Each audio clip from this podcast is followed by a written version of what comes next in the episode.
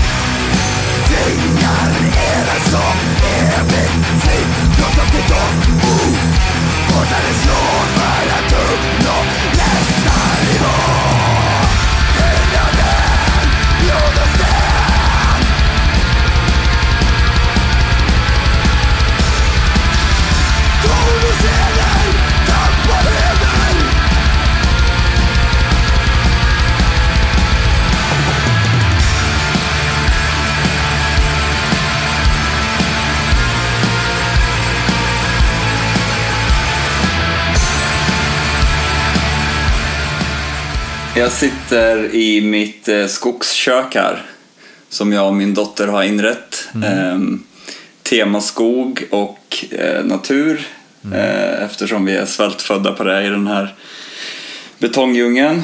Ehm, på en hembyggd kökssoffa som min farsa och brorsa har byggt ihop med mig under hennes loftsäng. Eh, med en Staropramen och ser kvällssolen går ner. Fan vad schysst. Ungefär så. Eh, bor i en etta med eh, ganska stort kök som är min dotters halva rum och hälften kök. Och sen så har jag vardagsrummet och eh, kulturstationen där inne. Svederna, då, då tänker man ju inte streetpunk direkt, utan eh, man tänker ju någonstans att eh, nu är vi ute på glesbygden och eh, skriker primalljud ihop eh, mer. Åt det. Så att eh, det förvånar mig inte att, eh, att det finns ett skogstema i köket där ändå i, i läggan. Nej, men det är den desperata värmlänningen som eh, försöker eh, skapa en, eh, en grön och brun omgivning i en vit grund, om vi säger så. Eh, så att det är ju den totala längtan in i växterna som får eh, styra. Eh, Men det är ju också den balansen som är ganska fin med att bo här eh, och anledningen till att jag flyttade hit. För att ha ett eh, kulturutbud med eh, att ta en buss in till stan och se ens eh, favoritband spela. Eh, istället för att gå på eh, skräpmusik som man inte gillar bara för att det är det enda alternativet eller skräpfilmer på bio typ så har man Cinemateket och eh, 35 mm kopior och eh, ja, bra konsertscener. Mm. Det var det som tog mig hit. Det var, det var alltså inte nödvändigtvis att du ville jobba på ZTV och sådär, utan det var eh, en gammal referens för övrigt. Ja, exakt. Nej, alltså jag eh, bestämde mig i fyran när jag upptäckte Spice Girls och Backstreet Boys. Efter att jag hade haft mitt första Ace of Base coverband att eh, jag ska flytta till eh, Stockholm när jag blir stor, jag ska starta band och jag ska ha en dotter.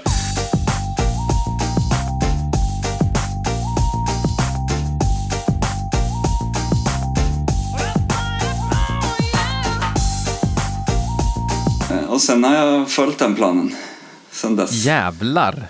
En dotter var det också. Ja, det var ganska definierat tidigt faktiskt. Eh, Att det var, kändes som en spännande och eh, eh, fin utmaning. Eh, att kanske få någon annan relation till uppväxten också. Som man själv inte haft som pojkslyngel. Jag har ju också två döttrar just. Ja, just och eh, har ju väldigt svårt att, att, att tänka mig att ha en son. Ja, men jag har ju också det. Eh, jag har ju väldigt svårt för eh, män och killar överlag.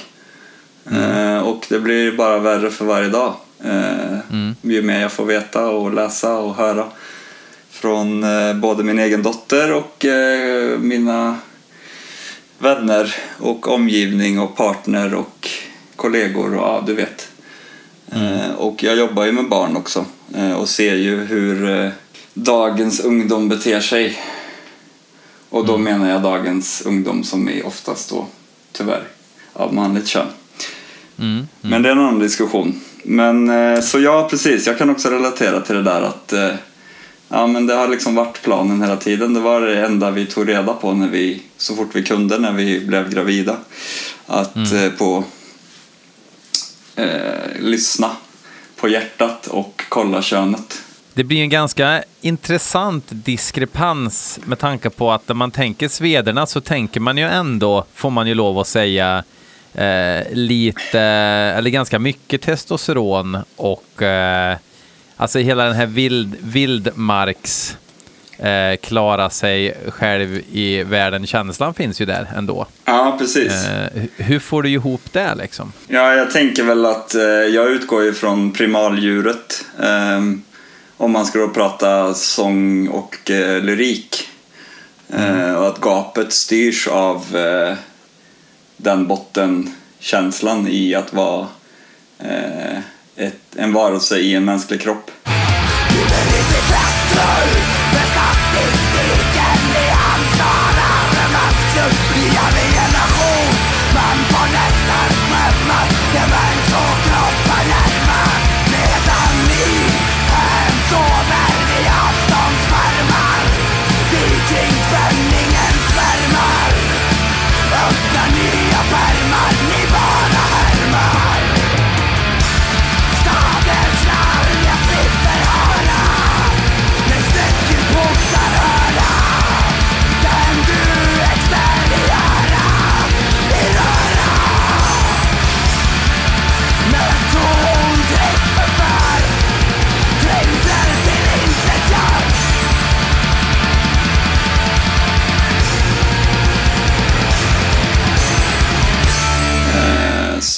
Men det är ju ganska, om man säger manlig musik i det här med att det är mycket slå på allt som går och spänna sig till max. Eh, framförallt om man tänker live-situationen.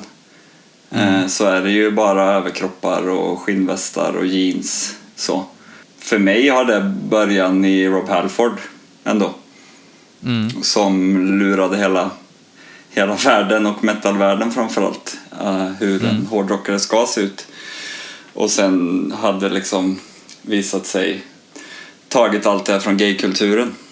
Uh, Så jag tycker att det är en ganska intressant uh, utgångspunkt tillsammans med många andra band från den eran. Där vi hittar vår inspiration. Som Ja, Judas Priest Ex- och... Accept som, Men- som man eh, eh, som, som har ju haft eh, alltså på 80-talet, vilken, vilken fan låt är det nu, som i princip handlar om en snubbe som, eh, som försöker hitta en annan snubbe men har, har det tufft liksom. Everyone's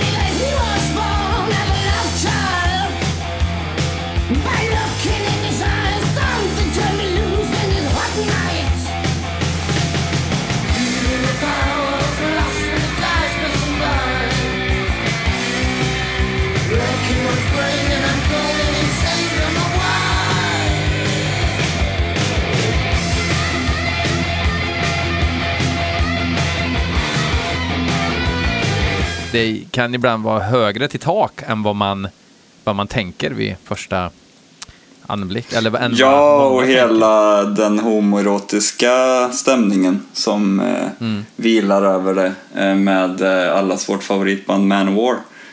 Ja, Där man liksom eh, verkligen anammar sådana attiraljer som Judas Priest liksom lyfte. Eh, och såklart alltså hela eh, androgyna 60-70-tals eh, bakgrunden också. shoulder to the beat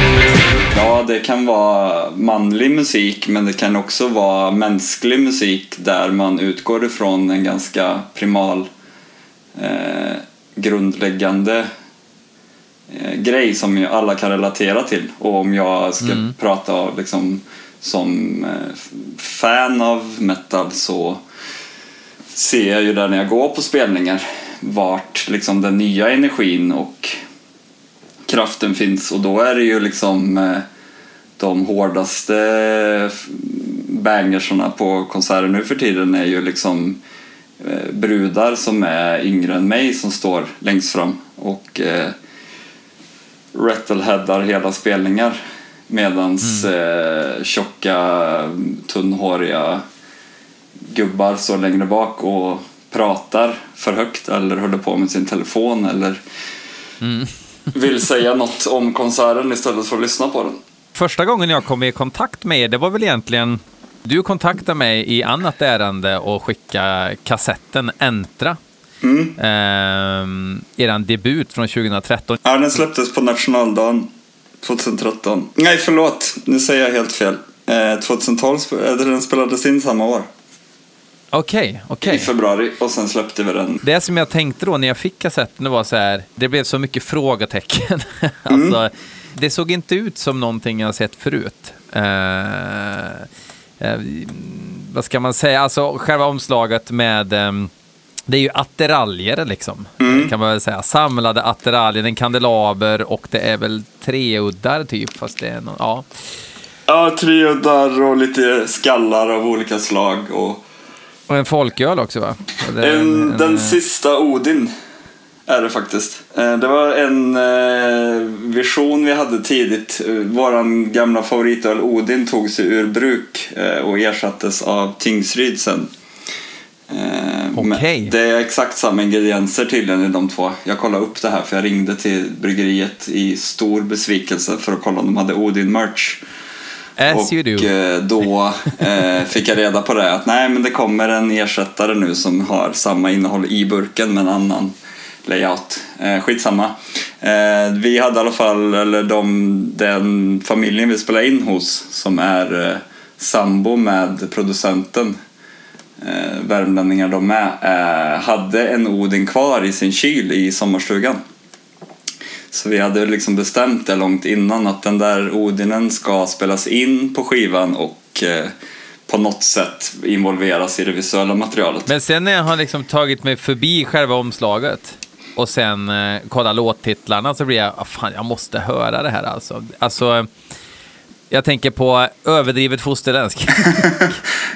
och, och, och naturligt vis, vilken är, det är lite halvpann sådär kan man ju säga. Ja, precis. Eh, återvändlöshet, jag, bara, jag tyckte det var finurligt. Det var lite, okej, det, var, det kändes, det var lite som karamellodiktvarning på titlarna sådär, så att det här måste jag spana in mer.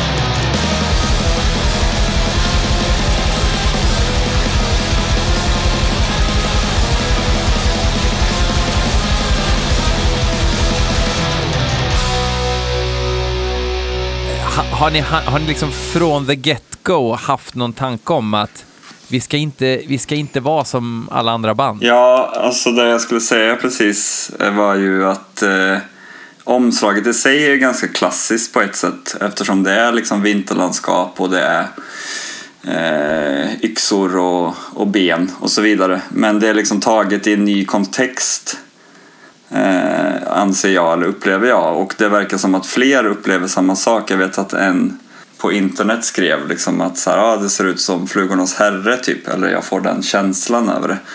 Att det fanns något så här obehagligt, så här, man visste inte riktigt vad som hade hänt eller vad som skulle hända. Om man tänker framsidan då. Och sen att man liksom fortsätter på den, eh, det spåret att leka med eh, klassiska liksom metal-aspekter och blanda upp det med annan typ av estetik och annan typ av eh, eh, lyrik också och titlar.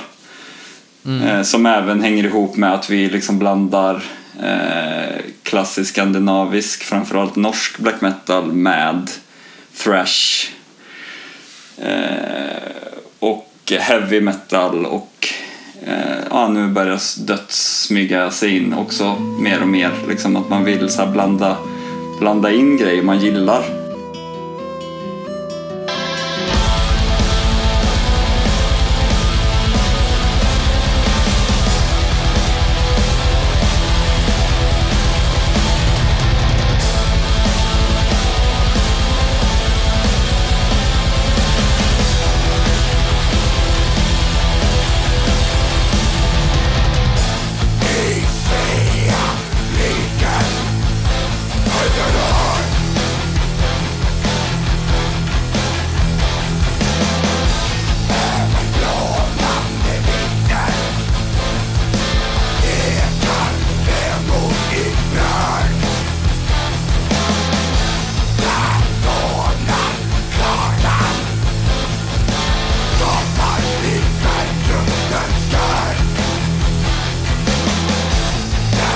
Yverbåren är ju ordet vi ha, jag hade som en tidig idé som en titel på den låten. Och sen så frågade de andra vad betyder ordet Yverbåren. Då, då är det ju överdrivet fosterlands det betyder.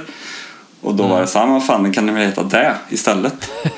och så bara, ja, men det är ju ännu bättre. Det låter ju ännu mer oblygt liksom. Och Eländigt skran som är låten innan är ju en gammal Säffle-historia om en eh, från en buss liksom. Där någon har då suttit liksom och "Ah, stackars Douglas och eländigt skran. Och så har vi plockat upp det liksom. För eh, personen i sig pratar om en katt men liksom vi bara eländigt skran, fan vilken bra bra grej. Liksom. Och sen blanda in det här uh, lite punkiga attityden i att utmana uh, det här klassiska metal estetiken och lyriken med att göra sådana grejer. Liksom. För vi skiter ju fullständigt i om någon annan tycker att det är okej eller inte okej. för vi tycker att det är bra och då kör vi på det.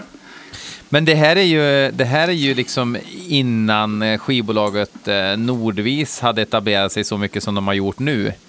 Eh, och nu börjar det ju liksom, nu känns det som att det kommer mer landsbygdsmetal. Jo, Eh, precis. Det har ju liksom växt eh, under tiden vi har funnits.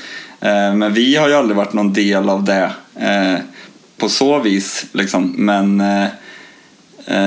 man har ju märkt av att det här, att det här liksom har expanderat. Eh, Med liksom, som till exempel då bandet Grift som vi turnerade med på förra skivan. Gjorde en miniturné liksom, som kör på den grejen också. Eh, med liksom att man faktiskt kan ha liksom åkrar och ja, men lite som eh, liksom eh, rumänska black metal-band eller, eller liksom andra europeiska Östeuropeer, länder jag som- brukar ju... Ja, men som och inte hänger ihop. också, lite grann. Ja, men precis. Och tjecker och liksom allt det här att, att så här, det, det handlar ju om någon typ av folksjäl. Och någon typ av arv som man tar sig med. Och för mig har ju, eller för oss har ju det liksom arvet alltid känts mer naturligt att koppla till än att koppla till eh, övernaturliga saker eller ockulta saker. Men är, sen också tycker jag att, att det är spännande att man sätter ihop ett band mer än att säga ja, vi vill låta ungefär som gamla Metallica och Exodus. Så, här, ja, Eh, för att vi tycker att den musiken är bra, jo. Men det är ju också häftigt att sätta ihop ett band med lite fler ingångar än bara just den här ganska ensidiga musikaliska delen. För det är ju faktiskt bara en dimension när man har ett band. Ett band är ju mer än att det bara låter. Liksom. Det, det, det, det är ju en... eh, Det blir ju som, eh, tråkigt ord, men varumärke också någonstans. Att man... Att, att det ingår vissa saker. Ja, det är väl en kultur kring ett band. Om man ska undvika ordet varumärke så tänker jag väl att man Ja. bygger upp en estetik och en värld kring bandet som sträcker sig bortanför riffen liksom. Där man, och det vet ju både du och jag, att man gillar ju oftast sådana band mer som har en liksom fet booklet eller har gjort ett assnyggt eh, välarbetat omslag liksom, som gör sig på vinyl och man ser att liksom alla aspekter finns med då. Om man ska prata modern tid och den delen av världen så finns ju bandet Malokarpatan som vi gillar väldigt mycket också som gör den grejen eh, fullt ut eh, på sina två senaste skivor liksom.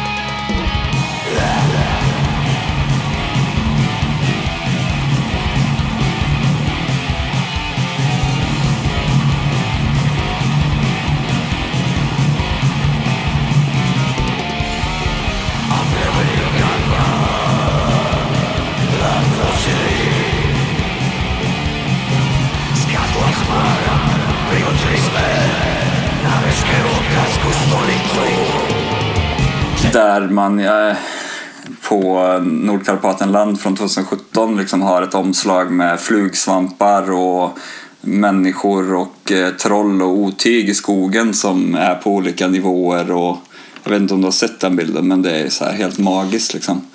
Eh, Ja, jag, jag tror inte jag har inspekterat den, även om den har eh, glidit förbi sådär. Men, Ja. ja. Nej, men där, och det är när man läser om dem, liksom att så här, ja, men det här handlar om en gammal legend från våran by som våra förfäder berättar för oss. Så, att det liksom finns där automatiskt istället för att man ska sitta och slå upp massa svåra kaos magiska ord i en bok.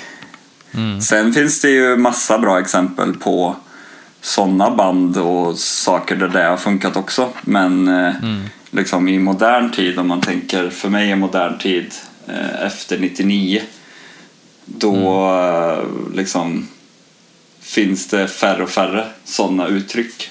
Både inom film och musik och mycket annan kultur också. Och framför allt då inom metal som liksom blir mer och mer lik riktigt. Jag tänker på ett band som eh, Nifelheim också av eh, ganska många skäl. Men vi såg ju faktiskt, vi, vi träffades ju på, eh, vad hette den? Black Harvest. Har, Black Harvest ja, och såg ju Nifelheim. Ja, precis. Att, och de eh, spelar ju Rot också. Ja, det stämmer. Och Angel Corps och lite annat gött. Men ja, precis. fy fan. Nifelheim. Ja, Ja. don't get me started. Nej. Men i alla fall, Nifelheim som har... Jag läste någon intervju med Erik eh, som, som, som säger liksom att ja, men alltså, alla band de är på att krångla till det med häxor och skit, liksom, men vi, bara, vi, vi körde mer fuck off, Satan. Sådär. Och just det där att de bara, de har totalt hittat sin grej och kör den till 110 procent och har inte tittat bakåt en enda gång under alla de här åren. Det är ju det som gör dem till en sån jävla kraft och som gör att deras musik blir genuin, även om själva begreppet Satan kan man ju diskutera hur mycket man vill.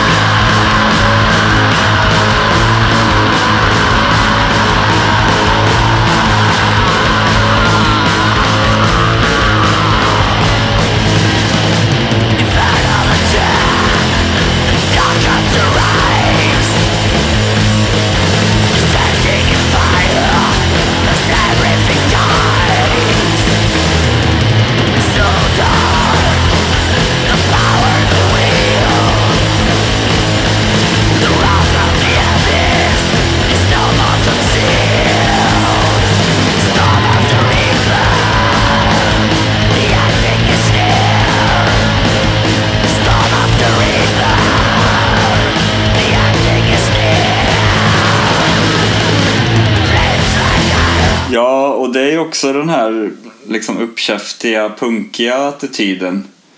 Eh, att som du säger att så här, ja, vi vet att eh, man kan göra det här, men man kan också göra det här. För mig är det ju eh, oerhört viktigt att liksom utmana eh, all form av stagnation. Eh, framförallt inom kultur och musik liksom, som är det liksom, som är det mitt kall, eller vårat kall som band där man inspireras av att vrida och vända på saker. Och för mig blir det alltid liksom, det blir alltid lika enkelt som att så här, ja visst, eh, ni kan gå runt med era Jesus-kors upp och ner och göra era eh, omslag och artwork och allting kring liksom, den här antikrist idén eller dräpte kristne. Men så fort jag vänder på skivomslaget så är det ju Jesus åt rätt håll med, på ett kors. Och eh, det är rätt, det, jag tröttnar rätt snabbt på det. Liksom. För att det blir liksom så här, ja visst vi kan sjunga om om hur mycket vi hatar kristna. Liksom. Då pratar vi både om liksom black och dödsmetall och liksom hela 90-talet oavsett band och genre. Men då blir det så här, ja men nu har ni gjort liksom 20 skivor om hur mycket ni hatar Gud. Liksom. Och det, det, så länge musiken är bra så har jag inget problem med att liksom band matar på. Men för mig har nästan alla sådana band liksom tappat farligheten ganska snabbt och så blir det bara det här att så här, fast ni sjung, nu sjunger ni också om Gud hela tiden. Precis som ni vill att alla andra ska undvika att göra. Eller, alltså, det blir också så här, ja det är ju fan gospel det med typ. Omvänd gospel. Jag vet inte. Det finns ju, det finns ju alltid grader i helvetet, no pun intended. Men Ja. alltså, Det finns ju vissa som, som, eh, som gör det bra för att de, de väljer filosofiska aspekter av olika religiösa uttryck och funderar och vrider och vänder på det. Eh, och så finns det ju sådana som behöver en text till sista låten och ah, vad fan, kör eh, Satan igen här liksom och få ihop det här. Eh, man känner ju när, när det inte är inspirerat liksom någonstans. Jo. Eh, och när det verkligen är det. Ja, Eh, exakt. Men jag köp, köper ju helt och hållet vad du, vad du menar. Ehm, och någonstans så tycker jag att texterna, texterna är någonstans där den sista anhalten för mig där jag känner liksom att eh, är, är det här eh, kylskåpsmagnetsband eller är det ett band som jag kommer tycka är kul ett tag? Och då är ju texterna inte oviktiga för mig, utan då, det är ju liksom den sista pricken över i någonstans. Och hur de le- levereras också. An- Annars kan du lika gärna spela instrumental musik egentligen. Ja, och det är där jag känner också att det är både kombinationen av vad texterna innehåller och jag är jätteintresserad av filosofiska, religiösa liksom, diskussioner och att vrida och vända på saker och göra det på ett smart sätt som många av de bättre banden vi, liksom, som gör det vi pratar om. Men just när det blir det här att man hör att det går på autopilot och det är ett till svartvitt omslag med ett till kors och man hör att de eller jag tror inte på dem liksom, när de spelar Nej. och framförallt inte när de sjunger då. Liksom. Och när man hör att, att liksom, övertygelsen inte ens finns i rösten. Då, då blir det liksom mellanmjölk totalt. För det, det kan bli så där ibland när man hör en sångare som bara, den här sångaren försöker hinna med all text under en angiven under en angiven period. Eh, Det, det handlar inte om att den här, personen, den här personen tänker inte ens på vad den sjunger just nu. Eh, Det kan man höra ibland och... eh, Ja, det, blir hör man ju of, jag skulle säga oftast liksom, att man hör det. Men också, alltså om man, om man tänker liksom procentuellt så. Och jag Ja. upplever ju att, att det finns en enorm automatik i det där. Eh, och framförallt när man också hör eller band liksom öppet pratar om att så här, ja, vi skriver alla texter i studion precis innan vi ska spela in dem. Eh, och alla i bandet sitter med och försöker hitta på ord som är farliga och tuffa.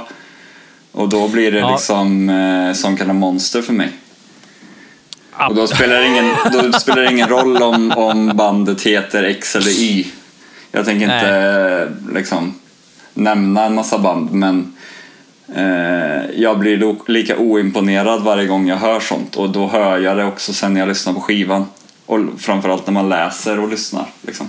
Men, men jag tänker också att det finns, ju, det finns ju andra ingångar i det också. Jag vet att till exempel, eh, ja men för att dra ett, ett exempel, Kurt Cobain, han gillade att leka med ord som lät bra tillsammans. Att det fanns en estetik i hur ord lät.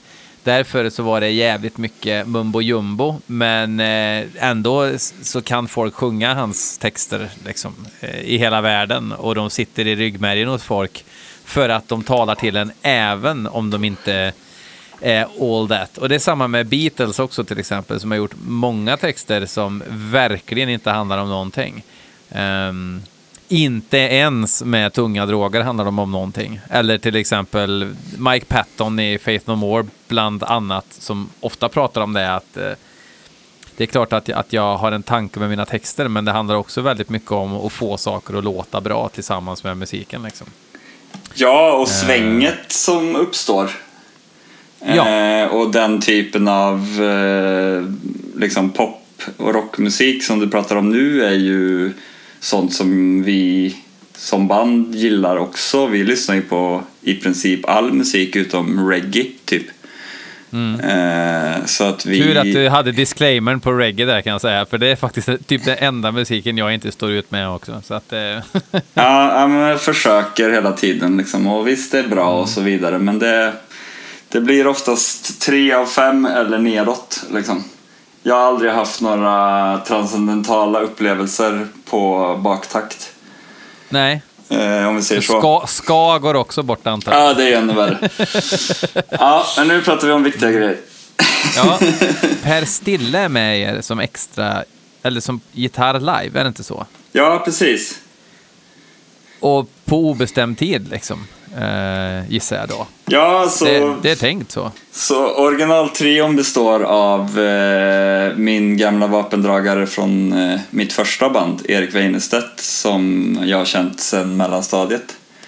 Eh, som var med i den här gamla visionen om att spela musik i band eh, resten av livet. Eh, så han och jag hade ett hardcoreband och sen snöar snöade vi väl båda in mer och mer på extremare metal successivt. Han lyssnade redan på det innan medan jag var lite mer bred. Och sen eh, när vi, när vi började på gymnasiet så lärde vi känna Anders Thunarf som blev min bästa vän och eh, är fortfarande idag eh, från Säffle.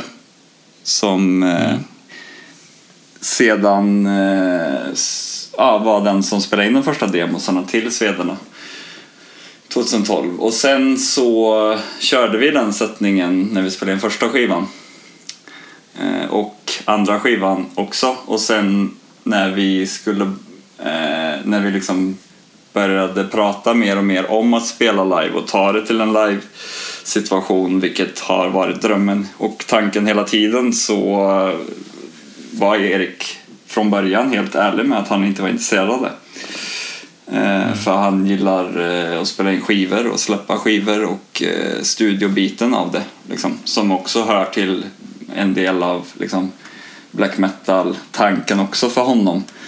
Att det inte är en rockshow på samma sätt. Liksom. Det kan vara det, men det var inte det han var ute efter med Svederna.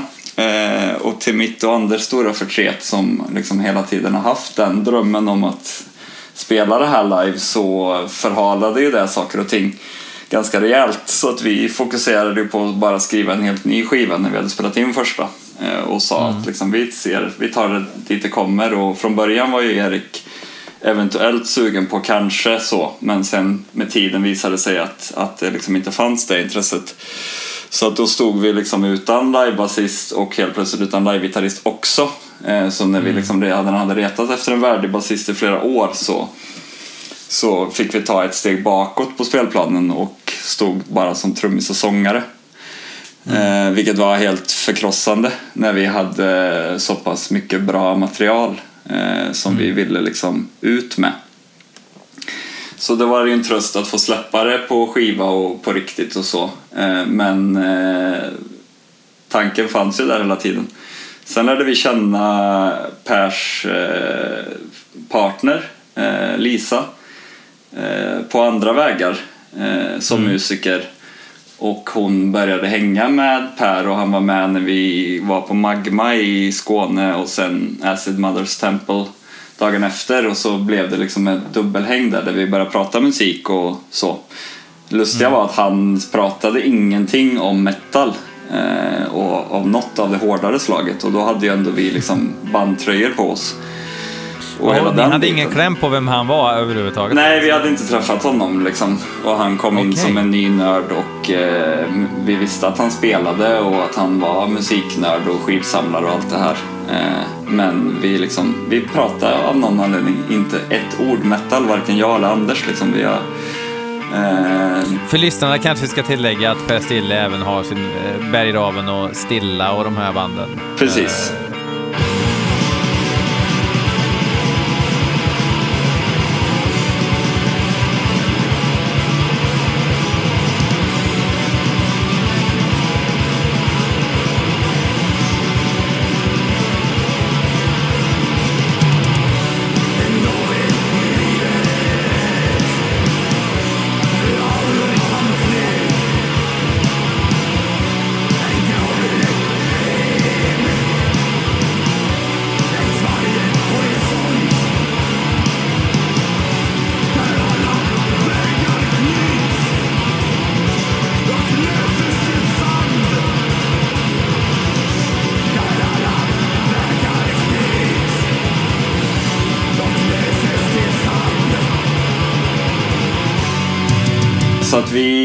lärde känna honom och så liksom fick vi reda på bakvägen, inte av honom, att han var gitarristen i Stilla. Eh, och då hade vi ändå liksom lyssnat på dem eh, och hade koll på det. Så det var väldigt lustigt att vi eh, fick det liksom så. Så då frågade vi honom bara rakt upp och ner. Vi tog en eh, snöpromenad på nyår och var väl båda ganska nere över att liksom skivan inte hade släppts då. Vi pratade Svedjeland. Mm. Och sen eh, blev den försenad av olika anledningar och sen så var vi liksom som sagt på ruta noll på livebiten. Och då hade vi liksom en enda idé efter den promenaden och det var att kolla med Per om han ville spela för vi visste att han spelade metalgitarr då och black metal-gitarr typ.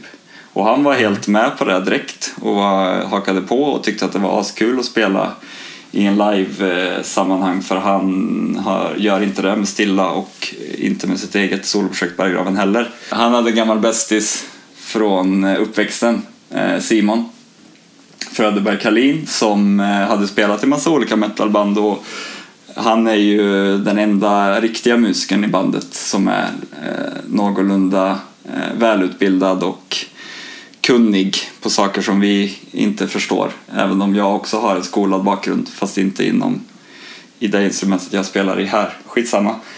Ehm, så han sa bara att eh, han spelar bas och att han hade spelat i massa metalband och att han visste att han nog inte hade något band just då. Och jag och Per bodde i Stockholm, bor i Stockholm, så att vi, var, han sa, gjorde också det.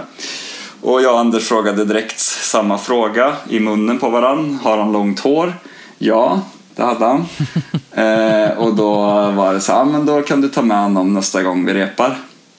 Och så gjorde han det och så tog det väl eh, fem minuter och öppningen av en kung.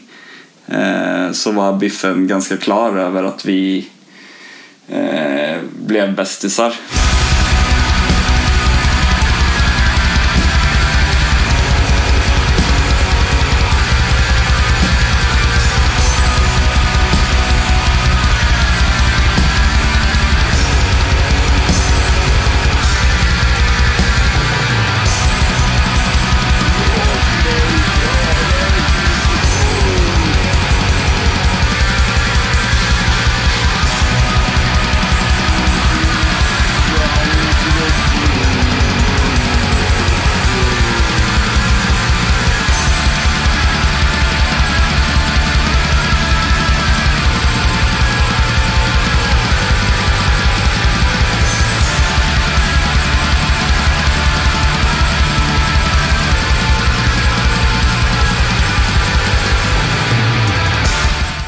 Vi visste då att de här kunde eh, gjorde vi ganska direkt.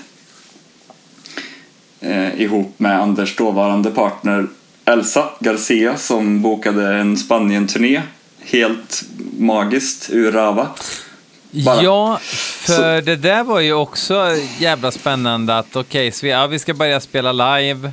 Eh, våran andra fullängdare har inte kommit än. Våran första fullängdare har kommit på kassett 2013. Ehm, och så gör vi lite Spanien-gigs här nu. Ja, vi gjorde... det är ett ganska rolig, roligt sätt att, att sjösätta projektet liksom. Ja, men det var ju lite så som vi pratade om förut med inställning till bandet överlag. Att så här, jobba med vad man har i händerna. Och eh, hon var så här, ja, jag har en van. Min dröm är att åka på turné med ett rockband och köra vanen och vara turnéledare.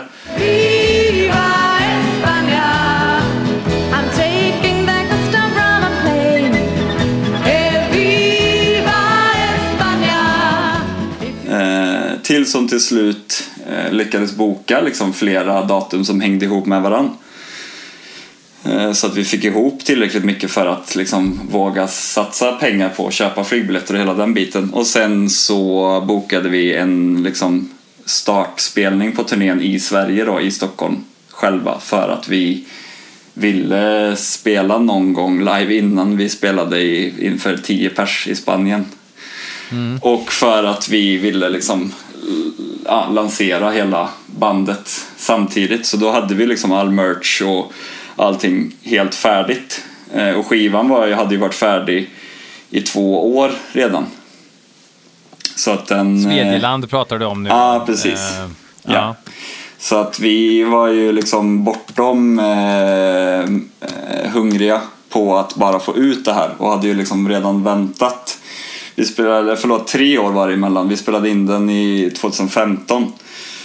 Och sen var det lite ekonomiska problem med skivbolag och lite andra aspekter som att vi mixade om och höll på. Som gjorde att det drog ut på tiden.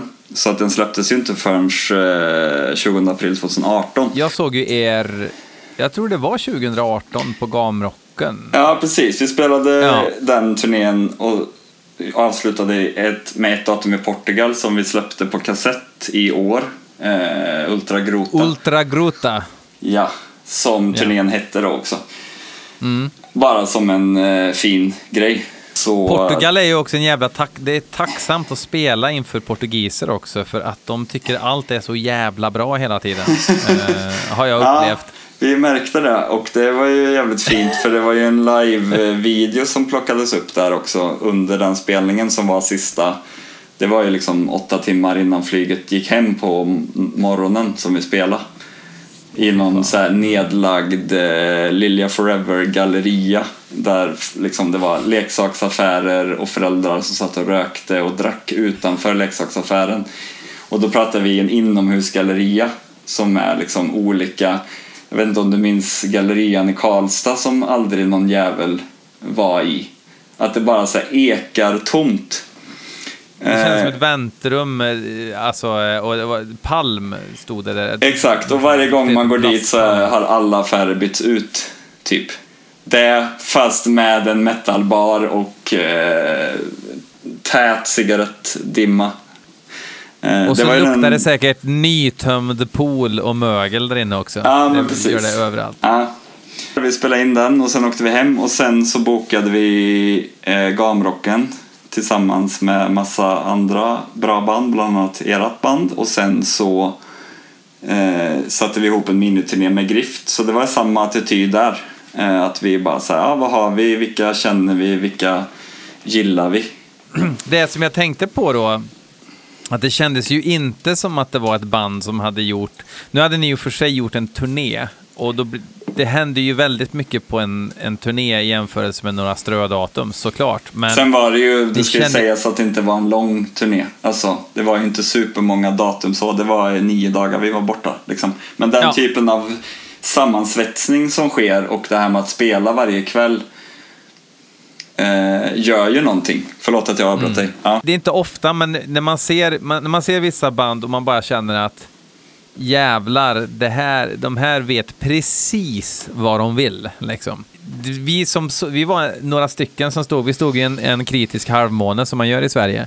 Eh, med armarna i kors. Ja. Eh, även om vi njöt. Men det, det, är, det är vår kultur. Mm, det är de jag pratar om förut. det är som är Jag skojar bara. Nej, men eh, sjukt imponerad.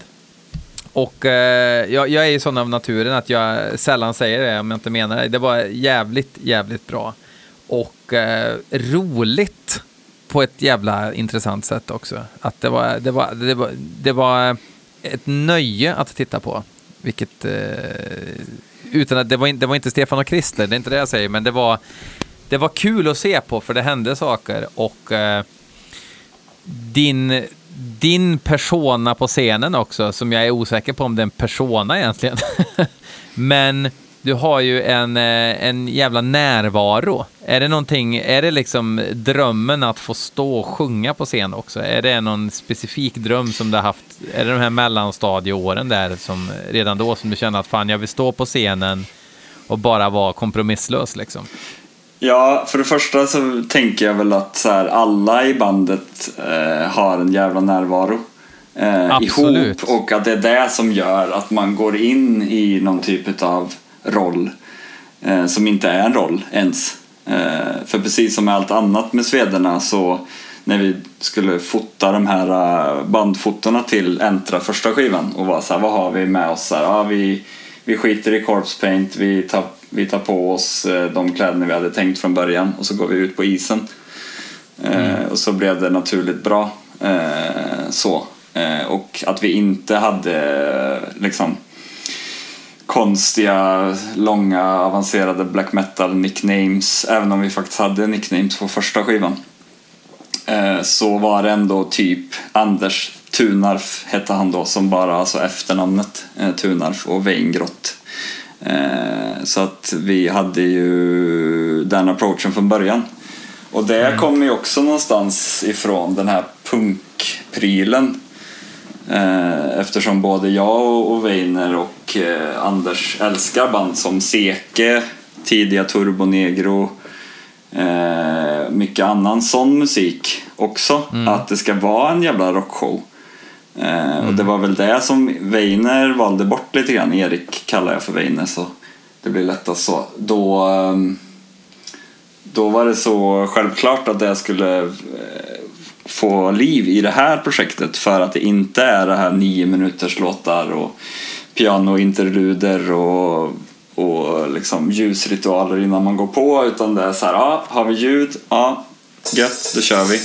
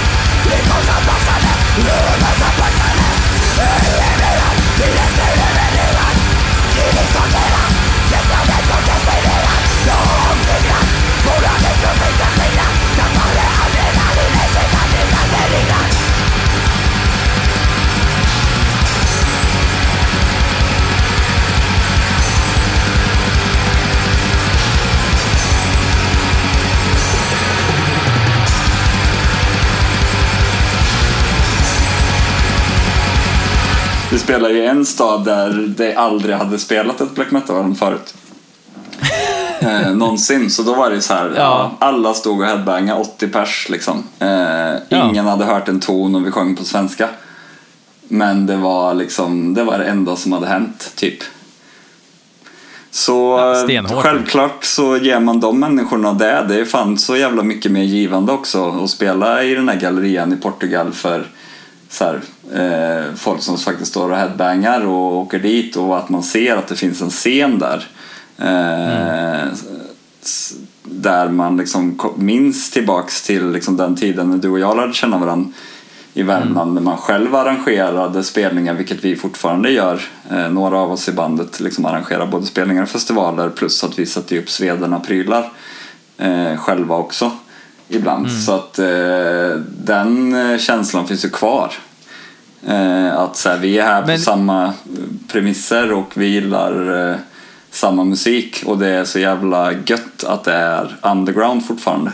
Jag, jag kan verkligen gnälla ibland över när man hamnar i, i någonstans i, på ett jävla skitställe och ska spela, men spelningen ser man ju alltid fram emot liksom. För att om man även sinkar, om man har taskig attityd i övrigt och sen har taskig attityd när man är på scenen, då måste man ju verkligen sluta hålla på med musik. För Ja. då har man ju inte fattat grejen överhuvudtaget. Nej, om man låter s- så ytliga som det ändå är, i alla fall för mig, ytliga aspekter som om någon annan är i rummet eller hur mycket PR konserterna haft eller ja, vilka anledningar man nu kan hitta på att man fick för äcklig mat av spelstället så att man är sur typ.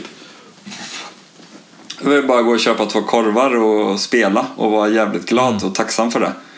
Eh, Istället för att bara, ah, vi fick inte tillräckligt med öl eller vi, hon som stod i garderoben var otrevlig eller du vet alla dumma jävla anledningar som finns liksom för, Ja. för folk att bli man på dåligt humör. Ja, man kan inte fokusera på sånt. Vi, vi satt i backstage med Tigers of Pantang. Oh, det var den sorgligaste jävla gubbgruppen jag sett i hela mitt liv. Vilka jävla surkukar allihop. De satt och bara var så jävla gamla och i så jävla dålig form och tyckte att värld, de förväntade sig mer av världen, men ingen fick ju det de förväntade sig av dem. Så att det, Exakt. menar, det går jämnt ut. och då får man ju inget tillbaks heller. Nej, nej. Det är det, what, what you put into the world, the world would give you back, eller vad fan det heter. Ja. Men du, Svedjeland kom ju då 2018. Ja. Ehm, eh, skruvarna har tajtats till lite extra. ehm, och det som jag har tänkt på, även den här och sen även den nya skivan då, Härd, som släpps i augusti på Carnal Records. Ehm, så så eh, har jag tänkt på att om, om någon bara lyssnar på den här intervjun nu och inte har hört Svederna så tänker de att nu jävlar är det garage-necro här. Men ni väljer ändå en ganska, en ganska slick ljudbild, måste jag säga. Ja, vi har fått så jävla många olika tolkningar på den ljudbilden. Så det är väldigt roligt i sig. Vi hade ju eh, kombinationen av eh, Judas Priest Painkiller och Metallicas And Justice for All som eh, någon typ av eh, förebildsalbum. Just Basljudet är ju helt klart en Justice for All. Jag skojar. Exakt. Jo, men just den här typen av uh, att det är rätt maxat. Den är oerhört komprimerad den skivan. Uh, och den låter ju olika på varenda jävla stereo man lyssnar på, på den. Mm. Men eh, vi är fortfarande asstolta över den visionen. Liksom, för jag tycker att vi gjorde den visionen eh, fullt ut eh, och med den inställningen vi hade från början. Där vi gjorde en liksom maxad ljudbild där baskaggen tar ut eh, gitarrerna för att, eh, i blast beatsen då liksom. Eller i grinden nu då som våra nya strängbändare och skåningar kallar det. Så att vi är i en så här evig eh, hatdiskussion om det heter blast eller grind. Men det får vi ta en annan gång. Men i alla fall att det blir den här eh, effekten där ljudet liksom pulserar. Eh, och det har ju väldigt många gnällt på också. Men de flesta, eller väldigt många, men några har gjort det. Och de flesta andra har ju tyckt att den låter gött liksom, på sitt sätt. Mm. Eh, och det är ju, var ju lite av det vi gick in eh, med nu när vi spelar in tredje skivan. Att eh, gå så långt bort ifrån det som möjligt. Men jag tycker att det hörs att det är samma studio, tycker jag att man hör. Eh, Härd och Svedjeland, det, det, är ju, det är ju inte deras motsatser direkt. Nej, det, det är sant. Men vi spelade in trummorna i garaget i den här gången. Eh, I ett stort sånt klassiskt gubbgarage. Eh, liksom med fyra meters takhöjd och, och smörjgrop och hela, hela paketet liksom. Eh, de andra skivorna är inspelade i så klassiska gillestugsmiljön som är de andra husen där. Så att vi använder mycket mer av eh, det riktiga ljudet i rummet på Härd medan vi på Svedjeland liksom maxade det vi hade kanske lite mer i datorn då. Liksom. Och, och på Entra var det ju ännu mer så att vi liksom fick så lyfta saker för att till saken med Entra hörde ju att eh, Lars blev ju dödssjuk eh, tredje inspelningsdagen. Så precis Oj. när vi liksom hade rullat igång allting så fick han så här 41 graders feber och låg sen i sju dagar i ett rum som var helt nedsläckt. Eh, utan att äta någonting. Vi fick så här tjata ut honom två gånger om dagen för att äta någonting. Han gick på toa. Han pratade inte med oss när han kom ut. Och på morgnarna så satte han igång eh, Pro Tools och lärde oss vart man tryckte på rec typ. Och eftersom alla tre är eh, lite efter på det här med teknik och framförallt då eh, eh, Macintosh-teknik som är ännu mer eh, farlig att närma sig så fick vi bara tracka allting hela veckan. Och min dotter som var eh, bebis då var med dessutom och var liksom vi satt och läste pixiböcker och åt korv och spaghetti och spelade in och han låg och hostade eh, i ett rum. Så att vi hade ju inte, hade inte ens någon produktion på den skivan. Och på Svedeland hade vi chansen att bara yes, nu kan vi göra det här på riktigt och då hade vi också fått eh, skivkontrakt på Corner Records som jag delvis måste tacka dig för för det var ju lite du som skickade skivan till Björn, den andra Björn. Som och jag skrek förstått det. “Hire this man”, skrek jag. och, så, och så blev det så till. Ja, precis. Jo, nej, men det var ju, det var ju bara... mm, tillfälligheternas spel, lite grann sådär Mm. också. Att, Bra eh, skiva, för han, övrigt. han gillar det också. Eh, ja, den, eh, du tänker på Ledin. Ja, ja. Det är lite kul, jag gjorde en Patreon-podd i morse där jag lyssnade igenom eh, Destructions eh, gömda skiva The Least Successful Human Cannonball. Har du hört den? Tyvärr inte. Eller kanske. Nej, det är- jag är fan osäker. Det är en fruktansvärd Pantera rip-off skiva som, de, som inte står med i deras officiella diskografi, Aha, men på okej. Metal Archive står den med i alla fall. Eh, där drog jag också en referens till Thomas Ledin, att eh, Thomas Ledin är lite grann som, ganska mycket, att eh, han är så bespottad att man glömmer det som är bra också. Ja, ja, ja. Eh, så att, eh, ja. Alltså, han har haft en guldera han med. Jag tänkte spela eh, singeln. Tempelhärd. Skivan heter ju Härd, det tror jag jag sa förut. Eh, vad- vad kan du säga om Tempelhärd?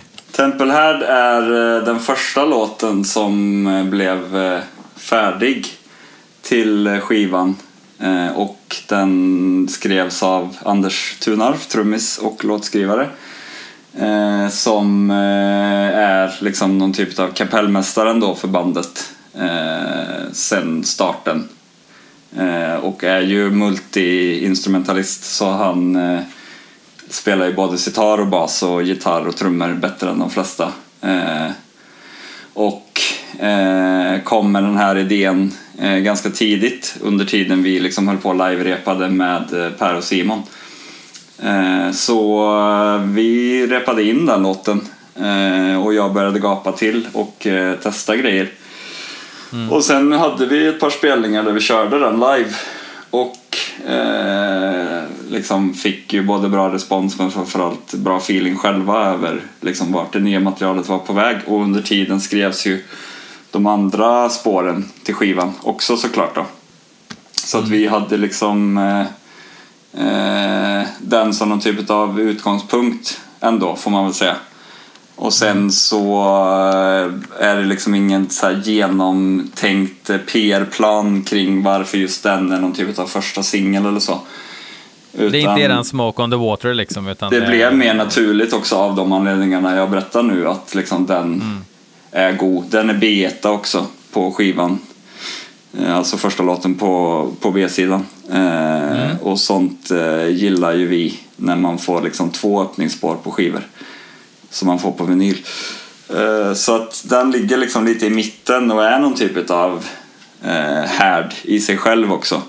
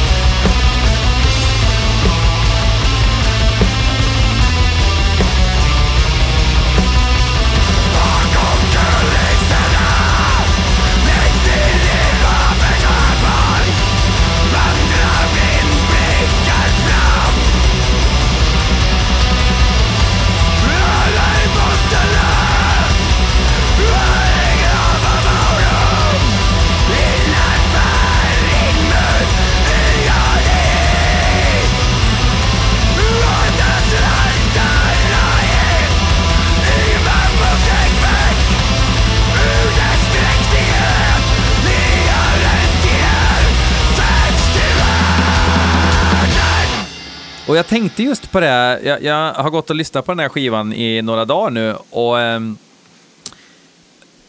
jag hör ju, när jag hör black metal, de grejerna som låter black metal, då låter det mycket Norge, tycker jag, snarare än kanske Sverige. Det är inte mycket, det är inte så mycket liksom mollackord och de här klassiska slingorna, utan det är lite mer de här lite ep episka och sorgsna riffen liksom.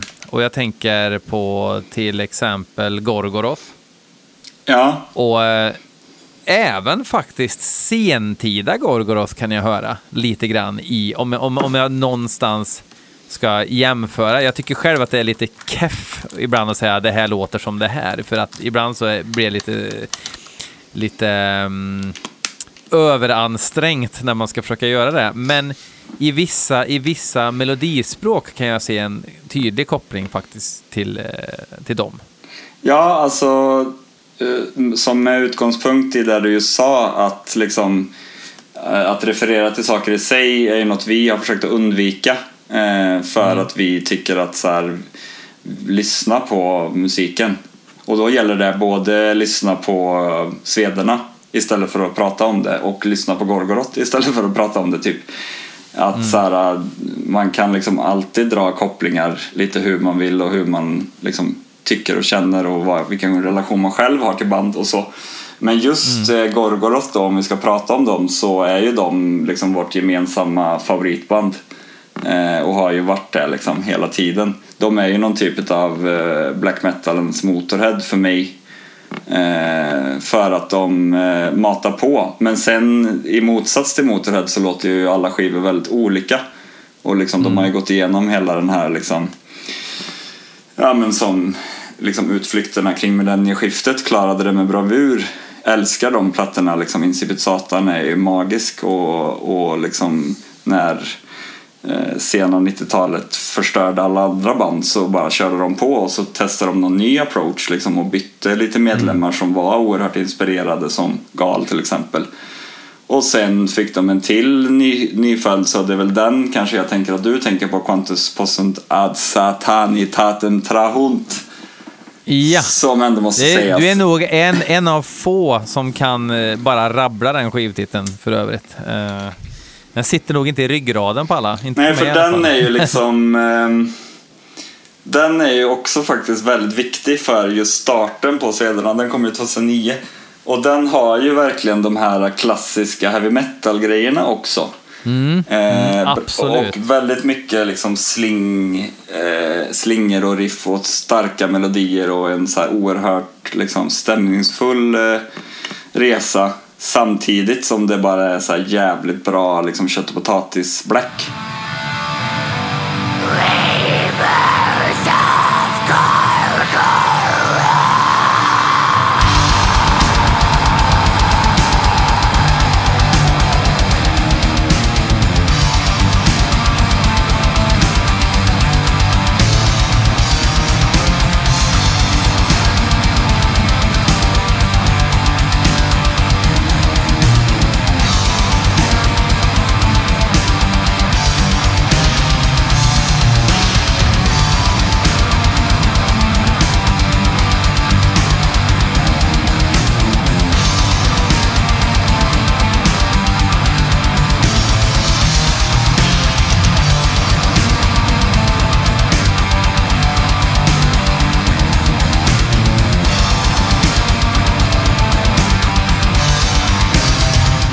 Det är ju lite så vi ser på oss också. Som att så här, man kan gå in i det med eh, en liksom rockshows approach och koppla det till liksom turbonegro eller klassisk liksom punk eller liksom gå tillbaks till Stooges eller vad som helst. Men man kan också gå in i episka salar av eh, mörker och eh, magi. Eh, om man väljer det eh, spåret och att blanda det. Att liksom vara längst inne i grottan och sen helt plötsligt vara på eh, asfalten igen tycker jag är ett intressant eh, balans. Och jag tycker väl, eller vi tycker väl som du där att så här, eh, det norska soundet har ju liksom, eh, ändå i de många fall lyckas bibehålla den känslan. Inte just den känslan jag pratar om med det mötet kanske, men känslan av att riffet och melodierna fortfarande regerar. Liksom. Eh, Absolut, och, och och git gitarrerna ganska långt fram i ljudbilden överhuvudtaget. Ja, precis. Och för att ta ett annat band som vi eh, älskar, eh, Tåke då, som eh, liksom också kom liksom ganska sent in i gamet på sent 90-tal, även om liksom de första grejerna är från Eh, 96 och framåt, 95 och framåt, så, så har ju han eller de gjort liksom samma grej. Och han är ännu mer konsekvent. Han har ju verkligen liknande ljudbild och liksom hela paketet genom diskografin, vilket Gorgoroth verkligen inte har eftersom de gjorde liksom just, eh, ja, andra typer av utflykter såklart. Men han har också riffet och melodin i första rummet hela tiden. Och liksom alla skivor för mig fram till Stridens hus är ju liksom mästerverk. Undantaget hans eh, självbetitlade som är något svagare liksom, men även hans senaste skiva från 2017 kom vinter är ju skitbra liksom. och sen finns det andra band som liksom lyckas med sånt i modern tid. Men de är sällan till aldrig ifrån vårt eget land tyvärr så att jag håller med jag Vi har att- ju haft en, eh, en, en, en ganska stark black metal-tradition här också. Men eh, jag tror, jag tror att Sverige har varit lite väl bra på att liksom... Det har varit en, en, liten circle jerk liksom av att... Eh, att, eh, att, att snacka om eh, vårt eget arv och sen inte varit så intresserad av att gå ett steg längre med det. Liksom. Så att man tyck, jag tycker ju att väldigt många andra länder som Polen till exempel springer ju om Sverige i kreativitet. Liksom. Ja, ja. Absolut. Ja, Frankrike också för den delen. risigt till, skulle jag vilja säga. Sen vill jag inte liksom... Lite som med reggae, så här, jag är inte så, det är inte så intressant att prata om hur dålig annan musik är. Så. Eh, och Nej, eh, nej, det nej, finns, som du säger, en jävligt levande liksom, tradition. Men jag tycker att eh, jag inte hör några riff längre. Och det saknar jag eh, inom svensk metal. Och då pratar vi även om liksom heavy metal eller alla de här, liksom, den här hela re- retrovågen av prylar men också liksom extrem metal i form av black och döds framförallt. Liksom. Där jag tycker att det är ackordband. Eh, de spelar ackord som följer varandra men det är inte riff liksom.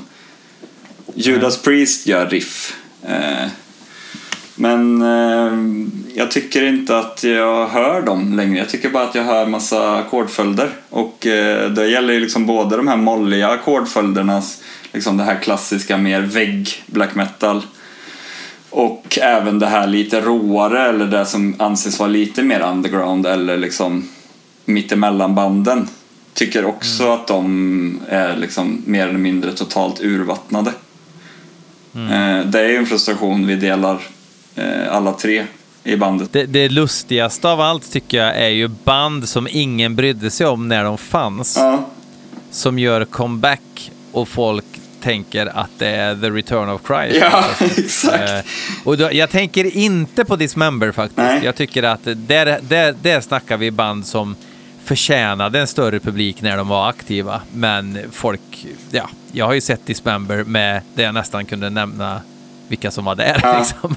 Eh, eh, men, men det finns alltså eh, band som på riktigt ingen brydde sig om. Liksom, som, eh, ja, vi är old school death Ja, och, det liksom, är, och nu kör vi igen. och det är inte särskilt bra heller när man då ser en sån liksom, poster för något som ska komma som man kanske själv har missat. Eh, och framförallt jag är den första med att erkänna att jag växte inte upp med extrem metal av den här sorten. Liksom. När jag Nej. var liten, alltså vi pratar riktigt liten liksom. Så eh, jag har ju upptäckt många sådana band även nu i liksom vuxen ålder. Där jag bara säger men vad fan, varför pratar alla om de här? Eh, det är liksom ett jävla luftslott för mig. Och sen så kommer de här undantagen som du säger när man bara så drar på Tormentor liksom, och bara så här yes, här finns det Ja. fan stämning.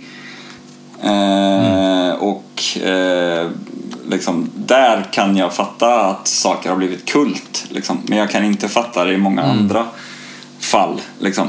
Och så får de den här uh, utrymmet liksom, för att de gjorde någonting 91. Och så var det kanske inte så jävla bra 91 heller. De kanske var på samma poster liksom som en legendarisk kväll för en genre liksom. Och Ja. var, var de ett av de banden där och så bara fan släpp en dubbelsamlings-LP och gör några gigs. Ja, vi gör en ny skiva också. Mm, ja, det är ännu värre. När Alltså- de ska göra ny, nytt Ja. material och inte ens så här, knappt spela musik längre. Och så är de ändå typ rätt så här, uh, kanske fortfarande kan spela. Men man hör att det bara liksom inte finns någon så musikalitet och inspiration bakom det. Eh, Sen kan jag ju Precis. älska sådana grejer själv. Jag var på Mörk gryning för några år sedan i samma lokal som vi träffades. Eh, några år tidigare och gick, var i total känsla och stämning. Eh, och blev helt inne i det. Och liksom, det var inte ett mästerverk till konsert men det var ändå liksom eh, jävligt mäktigt att se Tusen år har gått. Som de skulle framföra i sin helhet var det sagt. Exclusive show. Ja. Och så var det en exklusiv show där de exkluderade vissa låtar och helt plötsligt så här, efter liksom lite mer än halva skivan har gått så spelar de en helt ny låt från en, en av de senare skivorna. Liksom. Eh, och Okej. så här, bara så, som att det kom typ så här radioreklam i, eh, på CD-skivan. Liksom. Så jävla bisarrt. Och så körde de inte ens alla låtar på skivan. Eh, men i- övrigt liksom en svinbra spelning. Eller när jag såg Mayhem göra samma sak fast de körde då hela skivan. Eh, Mystery som Satanas. Hur magiskt som helst liksom, för mig att se det. För att jag framförallt är liksom, ett fan av av liksom den grejen och framförallt av Euronymous. Liksom. Och att få se den grejen live med liksom bra ljud och liksom bara gå in i det där faktiskt, så här, man kan faktiskt ta det på allvar. Eh, det var helt, det var ma- magi på riktigt liksom. Eh, även om det liksom är, är fortfarande samma 40 plus 50 plus gubbar vi pratar om så ibland lyckas de liksom. Men det, det Men det, jag, jag, det, det är ju också en trend det här med att köra en, en, en, en klassisk skiva i sin helhet live som många är kritiska mot. Men det är faktiskt en sån här grej som jag är väldigt okritisk mot måste jag säga. Ja. Fatta vad skönt att gå och se Status Quo köra Piledriver-skivan och slippa höra In the Army liksom. Kan det bli bättre? Ja, nej. Och jag, Eh. jag har samma känsla där. För jag, jag vet att jag satt liksom redan på pojkrummet och pratade om de här grejerna. Eh, att man satt och bara, fan vad fett det vore om X körde i skivan. Liksom. Och bara, åh tänk, för jag har alltid varit liksom mycket mer en studioalbumsmänniska också än en live-människa.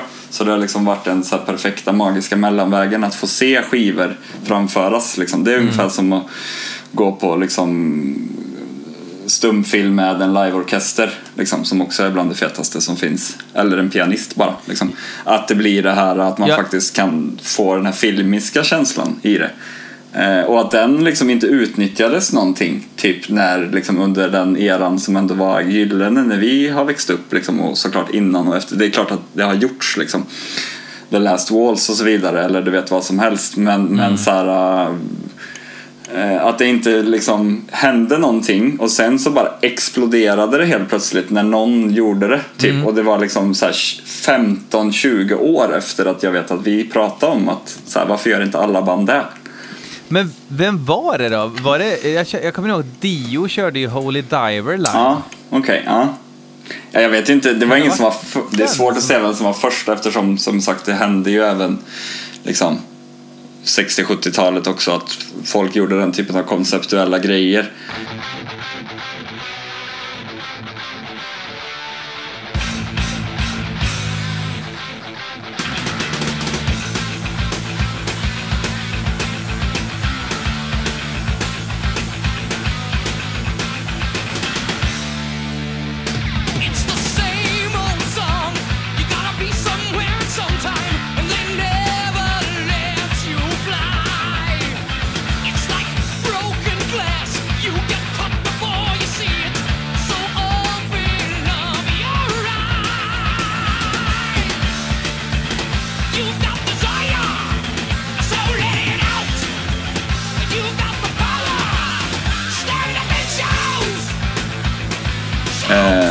Wall, det, det var den du nämnde kanske? Eh, Nej, The Last Walls pratade jag om. Nej. Eh, The Band. Ja, men det är ju mer en det, just det. konsert. Det var lite dåligt exempel för det är ju inte så. Liksom, det är en konsert och ett all livekonsert och så vidare. Men, men den typen av helhet som den filmen har, liksom, och det, är så här, det står i början att man ska spela skiten på hö, högsta volym. Liksom. Jag såg den på 35 mm i, i Stockholm för många år sedan och blev helt mindfucked över feten här liksom. Eh, och då är inte liksom musiken i sig, liksom, The Band är ett av de mest överskattade banden som existerar typ. Men de kan göra guldprylar liksom. Men i alla fall, att eh, ja, men den överväldigande grejen liksom, eh, och eftersom jag gillar film väldigt mycket så är det väldigt intressant liksom, att få den här resan från A till Ö för mig. För det här eh, live-konceptet när man kör liksom från hela karriären, det är lite shuffle för mig liksom, ändå. I min autisthjärna också såklart som gillar när saker börjar och slutar och den prylen. Så det är jävligt märkligt att det liksom, ja, nu händer det ju ofta, men att det inte att det fanns ett vakuum där. Jag tänker liksom att i alla fall under typ 00-talet att liksom vet jag att vi pratade om det och även innan det liksom, och det var typ ingen som gjorde sånt. Och sen så gjorde alla Nej. sånt, typ. Ja, alltså, jag, jag kommer ihåg, det, det, det, det luktar Patreon av den här senaste diskussionen, kan jag säga, så att det får nog bli bonusmaterial.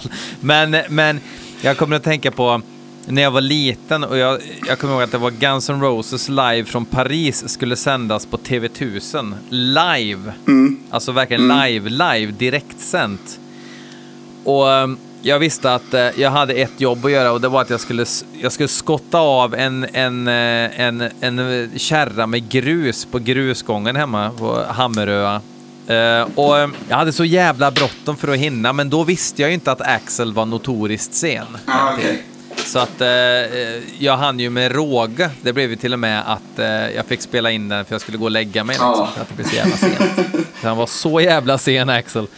Ehm, men men ehm, det var på den tiden man, eh, barn hjälpte till med grusgången. Ja. Eh, side note. Men och då kommer jag ihåg att, då tänkte jag säga My World från User Illusion 2, den här raplåten. Hur kommer den låta live? You want to step into my world? It's a social psychotic state of bliss. You've been delayed in the real world. How many times have you hit and missed?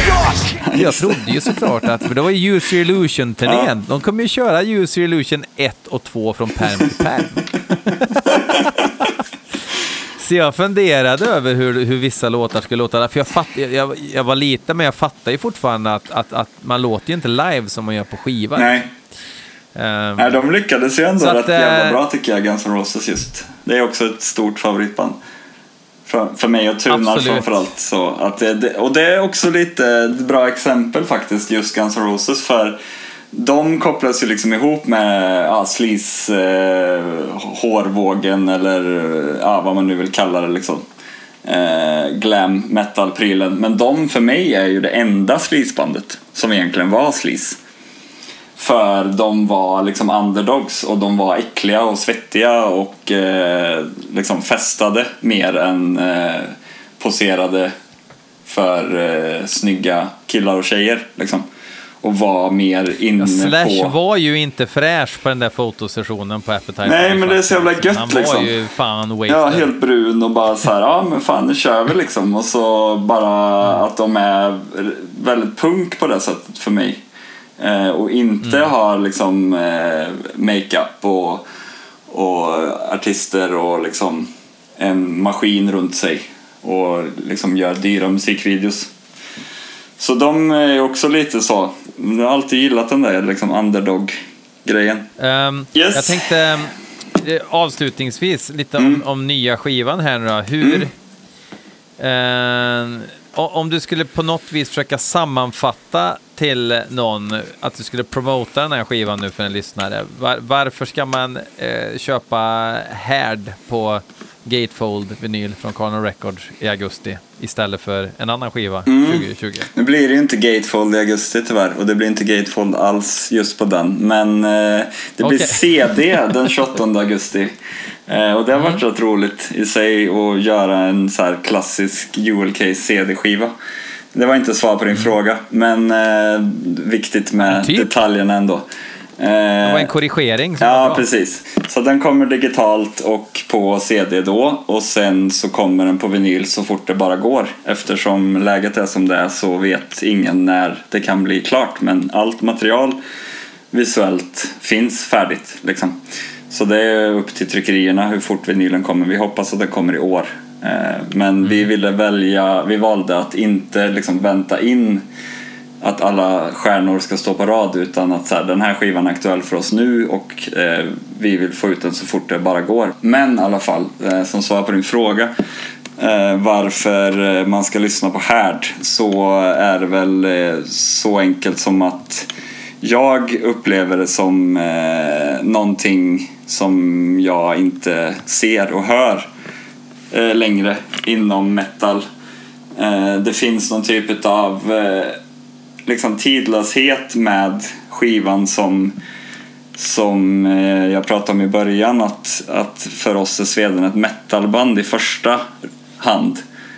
Och vi spelar eh, liksom den metalen vi vill höra och lyssna på. Och det har liksom alltid varit en inställning för mig i mina andra band jag har också. Att så här, jag vill spela musik som jag inte har hört förut och jag vill spela musik som jag själv skulle bli golvad om jag hittade. Liksom. Eh, och att ha de två som någon så här evig mantra eh, har gjort att man liksom måste också ha den här, liksom, tänka lite annorlunda och, kring liksom, den kreativa processen och tänka annorlunda kring lyriken och, och, och eh, framförallt musiken då. Liksom. Och, så att det är liksom en, eh, en best av metal eh, som vi pratade om när vi spelade in den. Ja, bäst av metal alltså. Så uttryckte Jonathan från Svederna sig om nya skivan Härd som släpps den 28 augusti av Carnal Records. Eh, tack för att ni har lyssnat. Ett, eh, en och en halv timme, det är väl ganska lagom för ett avsnitt, eller hur? Och är man sugen på att lyssna på mer, då kan man även gå in på Patreon där jag eh, inom kort lägger ut eh, den sista delen av samtalet där eh, Jonathan berättar om deras eh, lite udda sätt att spela in en skiva på. Så eh, gå in och lyssna där. Eh, tills nästa vecka så säger vi fuck off och trevlig helg.